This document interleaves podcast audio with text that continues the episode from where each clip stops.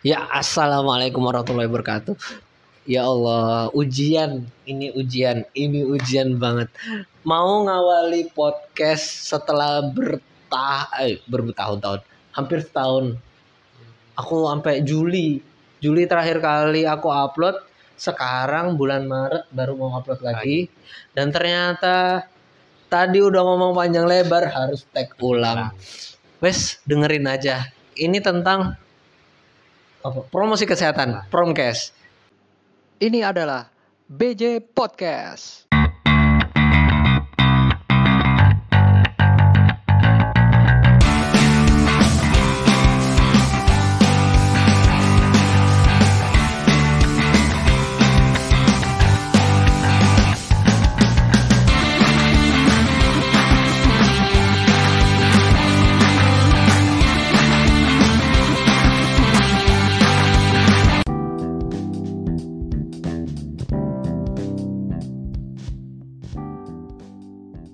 Ini ada narasumbernya temanku sendiri di Poltekkes Palangkaraya.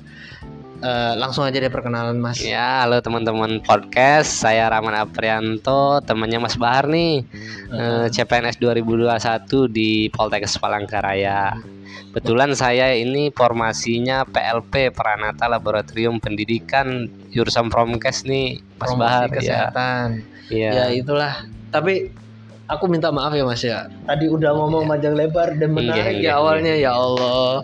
Tapi ternyata malu Mas perangkat jadul Mas. Ya, aman aman. Aduh. aman. Iya. Untung Mas Rohmat ini orang baik hati, nggak kayak artis-artis lain gitu ya. Hmm. Aduh, waktuku habis. Ah, Gitu. Ayo, eh, gini, eh asal Mas kita latar belakang Mas Rahmat dulu deh, kayak gimana Iya. Mas Rahmat tuh siapa sih? Eh dari mana? Iya. Eh, lalu kenapa jauh-jauh sampai datang ke Palangkaraya? Iya. Misinya apa? Apakah ada misi khusus? Mata-mata gitu ya. kan nggak ada yang tahu ya. iya iya iya. Ayo silakan Mas Rahmat perkenalkan Iya. diri, asalnya kayak gimana tadi? Ya teman-teman, jadi ini asal saya ini dari Bengkulu nih. Ada yang tahu nggak Bengkulu itu? Banyak orang yang nyangka Bengkulu itu Sulawesi loh. Eh enggak. Jadi ceritanya gini, mungkin aku awal-awal juga Iya. gitu Mas. Jadi Beng eh, Bengkulu tuh aku tahu dia di Sumatera, tapi Iya. Sumatera dan Sulawesi itu sering ketuker. Iya, Sering ketukernya tuh gini Mas. Se- Sumatera itu sangka Sulawesi, Sulawesi orang sangka Sumatera gitu loh. iya iya. iya. Ya. Jadi waktu aku magang di Jakarta itu lucu. Orang mana katanya? Orang Bengkulu nih. Oh, Bengkulu itu Sulawesi ya katanya. Bukan Pak Sumatera. Oh, daerah gempa itu katanya. Jadi daerah kami itu yang terkenalnya bukan apa-apanya, landmarknya itu ya gempa. Oh, menarik sekali. Kota jadi landmarknya itu bukan makanan, bukan tempat destinasi wisata, bukan pakaian adat dan segala macam gempa. gempa dari masyarakat yang tahu padahal banyak sih yang menarik dari kota Em- Bengkulu Emang kenapa sebegitu gempanya? Eh, sebaran sebegitu gempanya. Kenapa gempa itu jadi sebegitu landmarknya gitu loh? Maksudnya menjadi simbolnya itu loh. Kenapa sih emang? jadi di Apa bentar-bentar gempa? Iya. Tiap hari gempa? kalau gempanya itu nggak sering-sering sih mas tapi ya dibanding dengan daerah yang lain ya lumayan sih kami tapi kecil-kecil nggak kayak Padang itu kalau Padang ya gitulah sampai tujuh kalau kami itu lima Tapi hampir tiap hari atau gimana sih ceritanya? Maksudnya gempanya itu tadi tuh atau gimana? enggak sih kalau sebulan tuh ada sih kadang kami tahu-tahu udah dapat SMS dari apa namanya tuh BMKG. BMKG Nah. Ta- tapi kami nggak kerasa sebenarnya Oh, mungkin di tempat yang lain. Oh iya, dari masyarakat jauh sih sebenarnya ada udah radiusnya udah berapa kilo sih dari itu apa dari pinggir pantai ya. Oh, berarti dek pinggir pantai ya posisinya Bengkulu ini ya? Iya pesisir kami mas, Oh. Iya. lumayan panas sih. Ayo Sama main aja perasaan Iya. di, di daerah sini juga panas. Iya. Eh, tapi kok jauh banget loh mendarat dari Bengkulu ke Palangkaraya. Ada apa nih? Ada apa nih? Iya ini mas kalau misalnya ini kan nggak ketemu Mas Bahar nih Oh, kalau eh, itu. jangan gitu dong. Nggak maksudnya kayak eh apa ya? Ini kenapa? Ya ini kan kita balik lagi kan Iya. masnya kerja di Poltekkes di Palangkaraya. Iya. Kenapa kok milihnya Palangkaraya Poltekkesnya? Iya, jadi kemarin itu mas kami itu yang di kementerian itu hanya ada empat itu apa? Empat apa namanya tuh? Teman, Bukan empat apa namanya kita itu? lo, anu lowongan. Ah ya empat lowongan. Ah, Yang empat itu Bandung, Poltekkes Bandung, Poltekkes Malang, Poltekkes Manado, sama itu apa? Palangkaraya. hmm. Rencananya sih mau ngambil di Malang karena udah lihat kotanya sih asik, dingin, udah udah. Itu Mas Rahmat rencananya mau ke Malang gitu ya? Iya awalnya mau ke Malang sih waktu ngelis di grup Hmm. cerita singkatnya itu temanku yang pintar super pintarnya ke Malang Oh alah. dan temanku yang pintar juga itu ke Bandung Oh. karena mengukur kapasitas diri Wais. Merendah. Oke lanjut. jadi saya alhasil diskusi lah sama keluarga gitu ada dua pilihan nih kalau mau di Kementerian Kesehatan ada di Palangkaraya atau di Manado nah Oh. tapi dikasih penjelasan di sama orang tua kalau di Manado itu Pak itu apa non muslimnya gini gini gini eh, geografisnya gini kalau di Palangkaraya gini Hmm. Eh, sampai udah searching semuanya sampai tak jelasin semuanya Wah. sama keluarga Ah, udah nonton YouTube juga. Oh, dengan pertimbangan keluarga alhasil Palangkaraya lah. Palangkaraya lah Yang dipilih. yang dipilih Berarti menelaah dulu nih kotanya aman kah? Iya, Apa gimana gitu ya, udah berarti? udah dari awal Lalu setelah menelaah kesannya kayak gimana? wah waktu Sebelum datang ya ini masih Iya, kesan iya, iya. sebelum datang kayak gimana? Pertama itu saya itu sebulan atau dua bulan itu li- di YouTube itu lihat Palangkaraya terus apa sih yang fenomena terjadi di Palangkaraya ini? Ah, sampai saya itu ada lihat ada kampung narkoba. Iya, iya. wisata-wisatanya sudah saya lihat. Ah, tapi ada hal-hal yang menarik sih dari ini pertama saya itu memang dari dulu tuh pernah terucap da, sebelum itu sih sebelum tamat mau ke Kalimantan nggak tahu alasannya sih Ya ucap-ucap Iya, gitu ucap-ucap toh. aja sih Ah, nah udah itu informasinya IKN-nya bakal ke sini juga udah be- ini kan jadi menarik nih bakal jadi kota besar di sini Amin. Iya Nah, pas setelah seminggu ya berarti ya. iya Seminggu pas gak nih udah anggapannya? seminggu Nah, seminggu di Palangkaraya gimana kesannya? Eh, di Palangkaraya ini sih asik orangnya am eh, situasinya aman. Dah itu apa pun barang pun aman di sini. Mau diletak di mana menurutku? Jadi mau diletak di belakang kalau kosan nggak dikunci pun aman sih.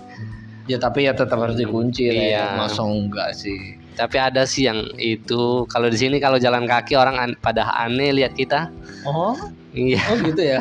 iya iya sih kayaknya eh, mungkin semoga ke depannya bisa lebih maju. Jadi iya apa ya yang banyak lah yang bisa nggak cuma naik motor. Kalau di sini menurutku sih, kalau menurutku pribadi ya memang iya memang akses untuk jalan apa naik motor itu lebih mudah menggunakan motor ketimbang harus jalan kaki karena effortnya Oke. waktu juga dan lokasinya kan rada-rada jauh-jauh gitu Iya. loh jadi ya memang harus anu.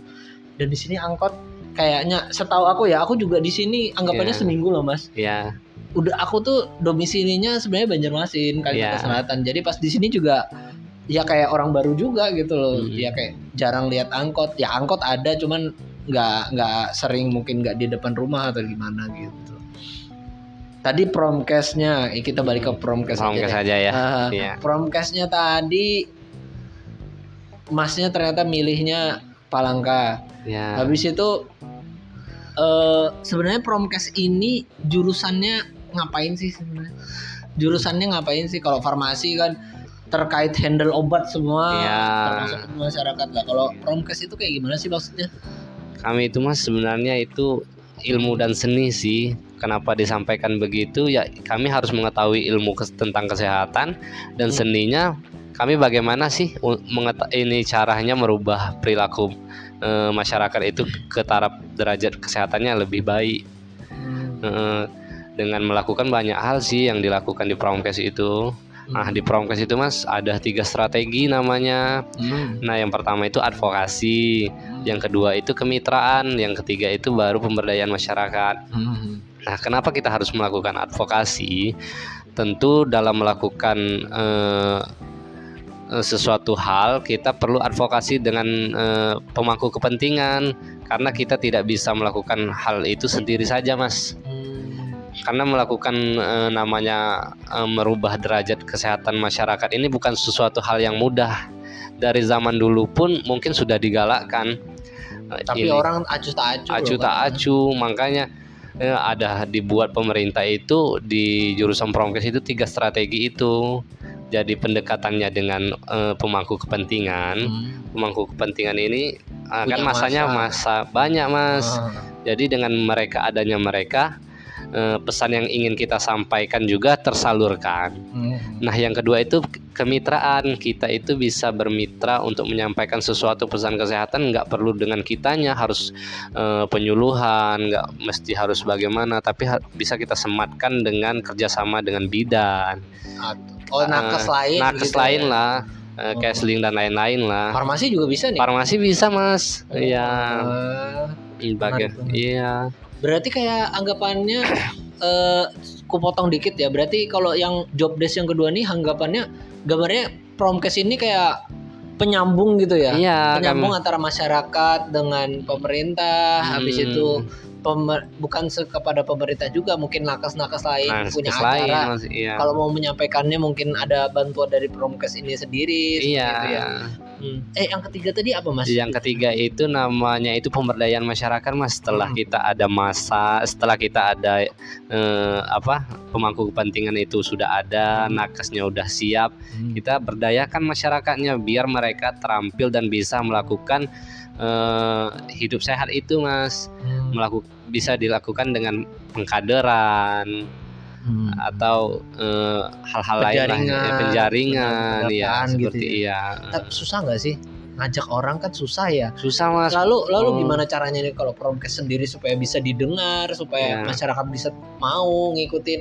Contoh kayak gerakan Ya. masker wes, kan masker Iya. juga ada yang mau make, ada yang nggak mau make, ada yang make setengah-setengah, ada Iya. yang ya macam-macam lah kayak gimana nih? Iya Kayak kak. gimana tuh? Eh, kalau kami Tapi sih lebih ke arah anu aja ya dulu bagaimana strateginya kalian. iya. Bukan ya aku nyontohin aja tadi. Gimana Iya. Mas? Monggo. Kalau kaminya Mas lihat eh, itu dulu geografisnya daerah tersebut, mereka itu Oh. gimana watak dan eh, apa eh, cara mereka bersikap. Tentu setiap daerah cara penyampaiannya pun berbeda Hmm. dengan cara kita melakukan intervensinya. Hmm. Jadi kalau misalnya di daerah apa A misalnya Hmm. intervensinya berbeda dengan intervensi yang B. Hmm. kita harus memahami hal tersebut dulu Eh, dari sumber yang kita dapat yaitu dari pemangku kepentingan tadi bisa beberapa sumber sih yang kita dapat baru bisa kita menggalakkan eh, sesuai keinginan kita Berarti kan anggapannya ini sifatnya juga persuasif ya, mengajak gitu ya. iya Oh. Kalau promkes sendiri eh kenapa sih Mas Masnya kok mau milih pengen masuk jurusan promkes sendiri? Kan ini anggapannya susah loh ngajak orang tuh susah loh, nggak Iya. gampang loh. susah banget Kan mas ya marketing gitu tantangan aja kayak iya kita jualan ini baju baru kakak Belum tentu laku ya kan, gitu, Iya. gitu kan nawarin kan kayak menawarkan dulu kan Iya. otomatis kan memberikan penjelasan Ah. lalu kita tawarkan kalau dia setuju baru dia mau iya lah kalau tahu gitu anggapan promkes waktu sebelum mas masuk lah. Iya. Bagaimana lalu setelah lulus ini promkes itu kesannya mas bagaimana? Lalu kan ngajak orang tuh susah kenapa kok masih mau gitu loh? Kenapa nggak aku pindah jurusan aja deh aku merasa gak kuat deh ngajakin orang-orang kayak gini. Aku aja ngajak diriku sendiri aja mungkin belum tentu bener. Gimana mas tanggapannya mas Jadi promkes ini mas memang tantangannya besar sih merubah eh, kebiasaan Hmm. orang namanya kan. Tapi itu seninya itu di situ mas. Jadi untuk merubah kebiasaan seseorang itu kita harus lihat dulu sasarannya siapa. Kalau ibu-ibu misalnya, Hmm. kita bisa menggunakan media apa dengan ibu-ibu itu tersebut. Eh, kalau di pedesaan kan biasanya kita ketemu sama ibu-ibu tuh Mhm. dengan latar belakang pendidikan mereka mungkin eh, ada yang SD, ada SD, yang SMP. gitu ya. jadi pendekatan kita nggak mungkin pakai leaflet kan mas jadi Oh. mereka pun nggak nggak suka baca jadi Oh. kami pernah pengalaman sih Jadi kami sebarkan itu leaflet ke daerah yang memang desanya tertinggal gitu. Ah, Alhasil apa yang terjadi leaflet kami itu kan kami itu ada snacknya kacang. Ah. Jadi leaflet kami itu pembungkus kacang bukan untuk dibaca. kacangnya dimakan. Kacangnya dimakan itunya untuk bungkusnya ya mas. Allah. Dari Hati, hati, iya. masih. lanjut lanjut lanjut. Jadi dari itu kami kemas apa yang harus kita evaluasi ternyata medianya harus menyesuaikan keadaan yang ada di masyarakat mas Dari segi latar belakang dan dari segi situasi. Situasi, kayaknya. benar. Betul. kalau misalnya anak muda nih mungkin sekarang basicnya IT yang eh, eh, gambar atau video gitu Ya. biar mereka cepat memahami maka kita sajikan dengan video biar mereka paham Dan melalui podcast ini mungkin kali. ya. iya podcast ini salah satunya Ah, iya. Salah satunya.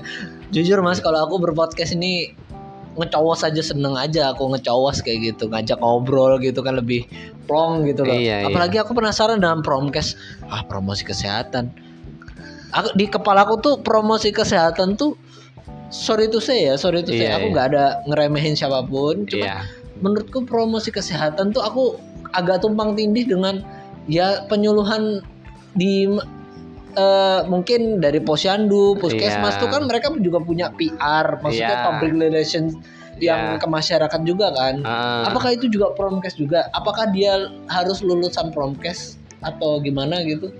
Wacananya ke depan sih kalau menurut eh, Permenkesnya kami itu udah bukan Permenkes sih apa namanya itu ada Aturannya. aturannya Hmm. eh, tenaga promosi kesehatan tuh itu orang yang memang basicnya promosi kesehatan selama ini Hmm. yang di puskesmas itu nakesnya itu bisa diisi dari perawat bidan yang memang mereka notabene bukan eh, promotif dan preventif tapi mereka itu lebih kuratif sebenarnya mas Oh, Iya.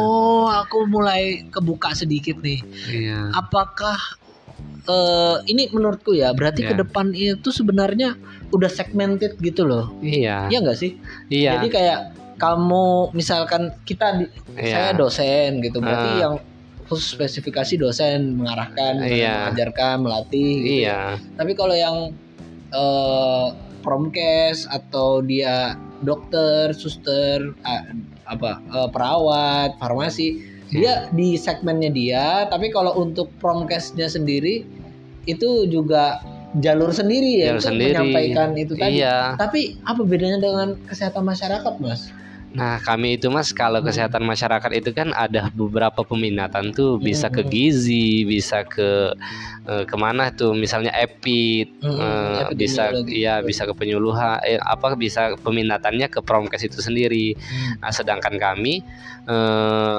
apa promkes itu lebih ke spesifiknya, nggak nggak masuk ke gizi, nggak masuk ke apa ilmunya, tapi mempelajari itu untuk menyampaikan pesan tadi. Oh, berarti et- kayak apa ya marketing gitu tapi berbungkus eh, sorry itu saya ya aku Iya. aku aku kurang paham cuman yang Iya. aku pahami secara mudahnya adalah bagaimana teknik memarketing atau menyampaikan bukan bahasanya marketing sih mungkin lebih Promotif ya. eh, promosi Iya, lebih ke iya. arah promosi itu tapi dengan background kesehatan, Kesehatan. seperti itu Hmm. Lalu yang Mas pelajari dari promkes itu yang dari segi promosinya kan tadi Mas jelasin mungkin kayak ada belajar DKV, Iya, eh, penyampaian media media kayak Mas bilang mungkin digital, ada iya, visual audio. Iya.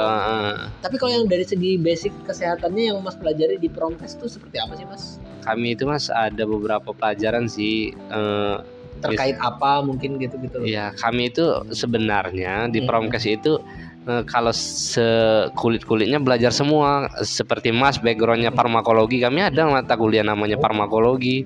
Nah jadi kami didasari dulu, di, dilandasi dulu dengan ilmu pengetahuannya. Oh. Eh, kami belajar juga epid, kami juga belajar anfis, anatomi dan fisiologi di sana. Oh. ilmu kebidanan juga kami dipelajari bagaimana eh, sampai-sampai ke hal-hal yang itu tapi nggak sampai ke teknis betul mas. Eh, eh, nutrisionis juga kami belajar pemberian gizi segala macam jadi eh, apa fungsinya itu mas jadi Ah. kami itu selain kami mentram- mentransformasikan ilmu kami dengan masyarakat Hmm. kami juga bisa memilah siapa sih mitra kami yang terbaik setelah kami udah belajar itu tadi kan Ah. por- ini porsinya siapa sih yang paling bagus untuk kami ajak mitra terkait topik tertentu itu tadi Iya. yang di- ada di Iya. masyarakat perlunya Iya. apa misalnya eh, ada Ah. topiknya stunting nih Ah. otomatis kami tarik orang gizi oh Iya, dengan kami belajar itu tadi kami paham Ah. ini porsinya ke orang gizi sih kami tariknya gitu.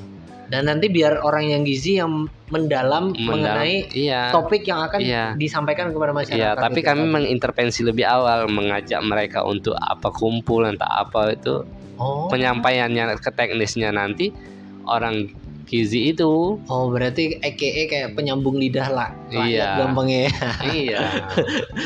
tapi eh, Mas sendiri kan lulusan promosi kesehatan ya Heeh. Eh, sarjana terapan ya berarti ya? Iya. Sa- sarjana terapan lalu apakah Mas waktu selama kuliah atau sekarang waktu udah lulus sarjana promkes yang kayak Mas ini apakah Mas sering temui mungkin bukan di kampusnya Mas sendiri ya Iya. atau lulusan alumni tapi di tempat lain kayak mungkin yang dari Bandung dari Malang Iya. sama-sama promkes aku kerjanya ngapain aja gitu ada nggak maksudnya tuh selain di bidang penyuluhan di Mm-mm. bidang anu gitu yang sama-sama latar belakangnya promkes Hmm. bisa masuknya di mana aja sih promkes ini gitu loh mas Ya teman-temanku sejauh ini masuk sektornya sektor pemerintah semua sih mas. Eh, puskesmas Ah. atau eh, dinas kesehatan atau eh, kementerian kesehatan gitu-gitu. Hmm. Ada beberapa teman yang memang itu tapi mereka menambah skill lagi. Jadi mereka itu ada di kerjanya di Utama Karya. Jadi jalan tol nggak nyambung sih. Tapi mereka nambah lagi eh, beberapa bimbel gitu Oh. dengan ilmu komunikasinya mereka diterapkan eh, ngambil K3 eh K3 namanya ya. Ah, Nah, betul. K3 itu. ketiga anu standar keselamatan ketiga ya. Ya, ya. Oh alah, ternyata menarik juga ya promkes ini. Ke depannya promkes itu, eh, menurut Mas nih, Ya, bukan ke depannya ya, promosi kesehatan itu berkembangnya seperti apa? ya. Lalu itu yang pertama. Yang kedua, eh, saat ini promosi kesehatan di Indonesia itu gambar gambarnya seperti apa sih? Mau ah, terserah Ah. dah tuh mau jawab pertanyaan yang mana tuh. Jadi begini Mas, jadi fenomena yang terjadi sekarang Hmm. dari awalnya kami hanya dua poltekkes se-Indonesia ini yang punya promosi kesehatan Hmm. dan sekarang udah berapa ya 10 atau 11 Uh banyak. udah di poltekkes di eh, Indonesia di di apa itu Ya, namanya di di, Bandung. di Kalimantan ini salah satunya itu Kalimantan Timur Mas sudah Oh udah ada di Kalimantan Heeh. Timur. Ini sebentar lagi tempat ya kita ya. iya Amin. IKN ini Mas Iya. iya Palangkaraya nih. iya. jadi Lanjut, IK- lanjut. Kalimantan Timur itu pernah benchmarknya ke itu kami apa promosi kesehatan katanya. ya ke Bengkulu sih Oh Hmm, gitu. hmm.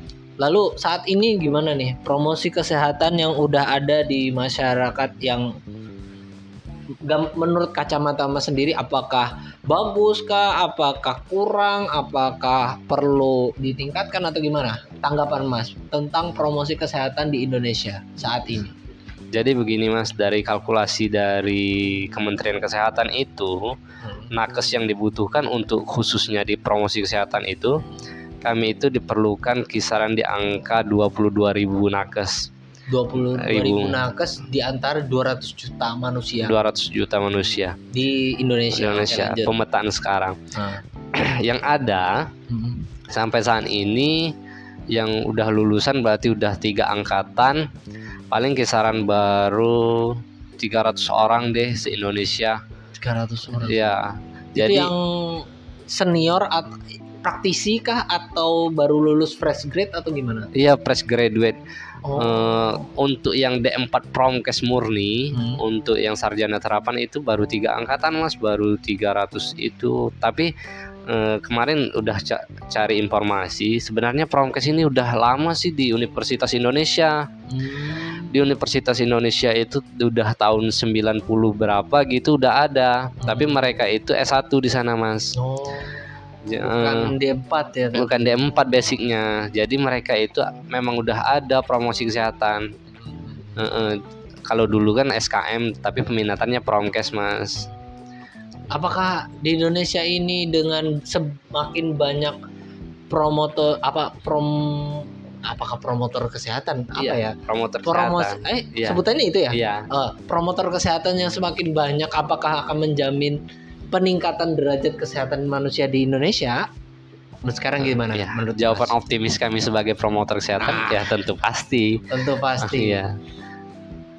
Tapi standby-nya promotor kesehatan sendiri ini di mana sih markasnya sih sebenarnya?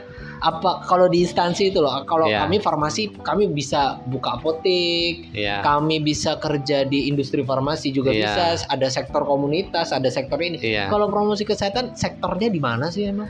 Sejauh ini Mas kami sektornya di sektor pemerintahan semua.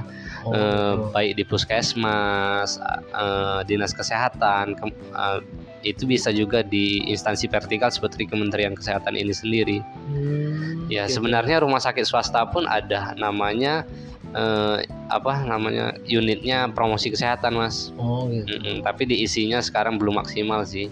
Hmm. Lihat-lihat teman-teman yang udah di di apa di rumah sakit itu belum maksimal. Nah di beberapa rumah sakit itu sen- sekarang udah beberapa inovasi mas seperti sekarang Ah. udah ada podcastnya. Oh, Jadi iya. media informasi yang disampaikan udah udah bagus sih sekarang. Hmm. Cuma belum maksimal sih seluruhnya. Ya, kita berharap sih semoga yang mendengarkan semakin banyak tahu Iya, Mas. tentang promkes itu apa. Ternyata ada loh namanya promosi kesehatan itu dan itu ada ada spesialisasinya ya. Iya. Ya, salah satunya Mas Rahmat ini sendiri gitu loh. Eh, benar. Ah, tapi nggak ada habisnya sih kalau ngomongin promosi kesehatan ini sebenarnya kayak aku juga pengen tahu seberapa banyak eh, bagaimana promosi kesehatan itu bekerja di masyarakat secara Iya, langsung gitu iya. aku tuh ya itu kadang-kadang tuh ketukar antara penyuluh penyuluhan yang biasa itu Hmm. dengan promosi kesehatan apakah yang penyuluh itu juga juga tahu basic-basic atau kemampuan dari segi kemampuan untuk me- melakukan penyuluhan kepada masyarakat itu Hmm. sendiri eh Mas Rahmat sekarang aku pengen tanya tentang prom ini ini kayaknya udah cukup nih Waktunya ya. Eh, enggak enggak juga sih maksudnya kalau kepanjangan kan juga nggak enak gitu. Iya. Uh, lumayan mas Eh, eh, ini mas harapan mas promosi tentang promosi kesehatan di Indonesia tuh harapannya ke depannya seperti apa Ya harapannya semoga eh, beberapa khususnya di Poltekkes ya Mas yang memang Ya. bidangnya di Kementerian Kesehatan. Hmm. Harapannya mere- eh, Poltekkes Indonesia ya punya prom- promkesnya itu sendiri. Hmm. Seperti perawat kan udah se Indonesia nih, farmasi juga sudah se Indonesia. Nah kami juga belum tersebar jadi belum maksimal. Harapannya eh, dari segi nakesnya juga ditingkatkan, dimaksimalkan dan pendalaman ilmunya juga semakin di, in- semakin berkembang berkembang mas. oh gitu kalau dari segi promosi kesehatan di Indonesia apa yang mas harapin harapannya ke depannya tentang promosi sosialisasi mengajak masyarakat terkait kesehatan itu dan kesadarannya seperti apa? Pengennya di Indonesia. Ya pengennya itu mas. Masyarakatnya sadar gitu dengan ini dengan apa dra- apa masalah kesehatan ini. Tapi yang perlu kita ini kan kan eh, dari nakesnya ini dulu pemahamannya dulu kan. Hmm. bagaimana mengintervensinya perlu pemahamannya itu Iya. nakesnya. ujung-ujungnya tetap SDM SDM-nya dulu SDM diutamakan juga. mas. Kalau SDM-nya udah berkualitas ya insya Allah penyampaiannya pun maksimal. Lalu tanggapan Mas nih, eh, ini topik terakhir aja nih, ini agak topik terakhir sih. Closing Tentang- statement ya. Belum, Belum. santai. Ya, santai, santai, Enggak, ini masalah COVID ini. Iya. Masalah COVID. Aku pengen tahu sih promo bagaimana menurut Mas promosi kesehatan terkait COVID di Indonesia ini bagaimana? Wah ini sangat menarik mas. Eh, Covid ini adalah sarana kami untuk mengembangkan. Harusnya. Iya. Gimana gimana ceritain deh. Jadi sebenarnya kalau eh, kalau nakesnya udah cukup dan eh, mereka itu terampil sangat terampil, seharusnya masyarakat ini sudah sangat pintar dengan yang saat kita berikan promosi kesehatan melalui media apa. Kalau sekarang nggak mungkin kita media eh, pembagian leaflet dan itu nggak mungkin Jadul, jadul. Jadi sekarang bisa melalui sosial media, Mas. Eh, Instagram, Facebook, eh, WhatsApp, Twitter, Twitter, iya benar. Jadi media apa yang harus kita lakukan? Eh, pembuatan video itu sendiri, Mas. Eh, edukasinya baga- bagaimana? Mungkin intervensinya pun eh, melalui eh, video-videonya yang menarik, nggak menjemuhkan begitu. Iya. Penyampaian informasinya ya, nggak eh, terlalu informatif, tapi ada sesuatu pesan yang menarik lah. menarik, ya. memberikan Hal-hal yang kesan baru bagi masyarakat begitu. Iya, soalnya kan let's say gini, masyarakat saat ini itu udah jenuh, Mas, dengan keadaan lingkungan itu yang COVID, COVID, Iya. sana masker sini masker, sana peduli lindungi sini peduli lindungi, sekan sekan sekan sekan hand Iya. sanitizer. Itu kan repot ya sebenarnya. Iya. Cuman itu penting gitu loh. Penting Cuman ya. gimana caranya kita juga meyakinkan masyarakat, eh COVID itu masih ada loh. Ada. COVID itu nggak bisa dihindari. Har- Kita ya memang harus ini, inilah gaya hidup baru yang new iya. normal new normal New itu normal, lah. iya. Gitu, gitu. Tapi kan masyarakat ada yang pengen, ada yang enggak. Jadi anggapannya aku juga udah ngajak tapi maksudnya saya juga udah nyontohin misalnya kita ya sebagai nakes ya udah nyontohin tapi di misalkan rekan kita atau apa kita nggak ngelakuin itu kita juga nggak enak gitu loh nah Iya. dari mas sendiri gimana nyadarin betapa pentingnya itu tadi memang salahnya kurangnya kami untuk menyontohkan tuh apa sih mas gitu loh Kalau kata dosenku itu mas ilmu promosi ini memang nggak bisa terlihat langsung seperti kalau misalnya eh, kebidanan nih kalau udah disuntik langsung sembuh nih misal. Ah, Kalau promosi ini ya jangkanya panjang mas, nggak bisa udah diintervensi belum tentu mereka berubah. Oh. Jadi kami itu bisa nampak udah berapa bulan, berapa tahun. dan itu paparannya harus berlanjut Eh, ya ini harus intens terus. wow Iya. berat ya berarti Iya. Dalam perubahan perilaku pun kami belajar itu butuh empat tahun untuk kita berubah perilaku, mas. Hmm. Jadi memang promkes itu nggak nampak kalau sekaligus oh ini karya promkes loh nggak bisa, mas. Oh, Ya. Ini yang kita rubah ini perilaku manusia loh, bukan apa. iya bukan robot ya Iya. Wah berat mas itu. Hai, ya itulah kita doakan semoga. Eh solusi COVID kalau dari Promkes ini sendiri kayak gimana sih sekarang? Dari kacamata mas nih sebagai promotor kesehatan ini kayak gimana sih untuk menanggulangi COVID atau menceg bukan kayaknya sekarang sih udah nggak mencegah ya tapi Iya. lebih ke arah apa ya udah kan udah endemi nih katanya calon-calonnya kan udah mau endemi nih Mm-mm. mungkin menanggulang eh bukan menanggulangi ya apa ya meringankan tena paparan tapi Iya. tetap tetap santai tetap fit kalaupun memang kalaupun memang nggak terpapar ya tapi Hmm. kalau udah terpapar tetap bisa survive tetap bisa sehat tetap bisa kembali pulih Iya. dari kacamata mas sendiri bagaimana sih covid ini menghandle-nya. Gimana mas? Ya kalau tipsnya dari kami yang promotor ya tetap itu. Kita harus tetap protokol kesehatan. Dan itu kita harus PHBS mas. Perilaku perilaku hidup, hidup. bersih dan sehat. Ah, tentu harus kita lakukan. Tetap juga ya jaga jarak lah wa- walaupun gimana gimana kan. Hmm. tapi kalau sudah eh, memang situasinya membaik dan anjuran pemerintah udah eh, seperti normal new normal lah Ah, kita nggak iya. bisa menyatakan ini normal kembali Ah, utuh ya new kan normal ya New normal ya tetap itu prokes itu mas iya Ini apalagi nih, Mas mungkin udah baca belum nih kalau ada ini tanggal tanggal berapa nih Mas? Tanggal 7 ya? tujuh ya Ya, tanggal eh tanggal 7. iya iya Ternyata tanggal 7 hari ini itu ada selebaran tentang untuk yang berpergian melalui udara dan kereta api khususnya tidak perlu menggunakan swab antigen baik itu PCR ataupun anti swab antigen biasa. Gimana menurut Mas? menurut kacamata saya sih kalau udah berdasarkan riset dan eh, berdasarkan risetnya pemerintah kalau memang itu tidak diperlukan lagi sudah tidak apa-apa sih mas karena masyarakat pun tidak semencekam waktu awal-awal dulu dan covid pun sekarang bisa ditangani dengan hal-hal yang bisa kita kendalikan sekarang Oh ya udah. Iya. Berarti Omikron eh, lumayan menggebuk iya menggebuk masyarakat tapi juga masyarakat udah mulai tegar gitu ya. Iya. Udah mulai ya lebih lebih pede lah gitu. Tapi Iya. ya udah. vaksinasi juga harus kenceng. Apalagi ini kan eh, aturan itu kan berlaku karena memang untuk yang vaksinasinya udah lengkap kan. Jadi Iya. anggapannya udah Yang udah booster yang gitu mas. ah, iya. Kalau booster alhamdulillah Iya, malahan kan iya. anggapannya udah vaksin ketiga. Bahkan ada wacana vaksin keempat. Wacananya. nah, wacana. Moga-moga kita nih yang udah di sini sini di lingkungan. Moga-moga ya dapet gitu Amin ya amin amin amin itu aja kali ya mas ya Iya, oke Alhamdulillah, deh. udah panjang lebar udah kita udah makan malam ya Ya udah, alhamdulillah ya, alhamdulillah lah. hujan-hujan ngobrol tentang promosi kesehatan Kesehatan ya. ini ngawali aku di podcast di 2022 semoga bisa terus konsisten Mas Amin, Rahmat amin sehat ya. terus Amin. kerjaannya lancar kerjaan Amin, kita lancar, lancar, ya.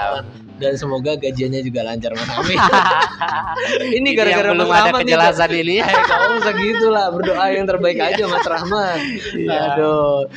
Itu aja Mas Rahmat terima kasih Eh, closing statement dah. Biar kayak podcast podcast, Podcast ya. terkenal. Closing statement promosi kesehatan untuk eh, seluruh pendengar podcastku. Apa maunya Gak usah Ya, panjang-panjang. Closingnya itu kalau dari kami eh, dari promo promkes ini mencegah lebih baik daripada itu apa? Apa-apa. Kalau udah terjadi Mengobati. ya mencegah lebih baik daripada mengobati. Ya karena mengobati biayanya mahal. Assalamualaikum iya. warahmatullahi wabarakatuh. Terima kasih. Gitu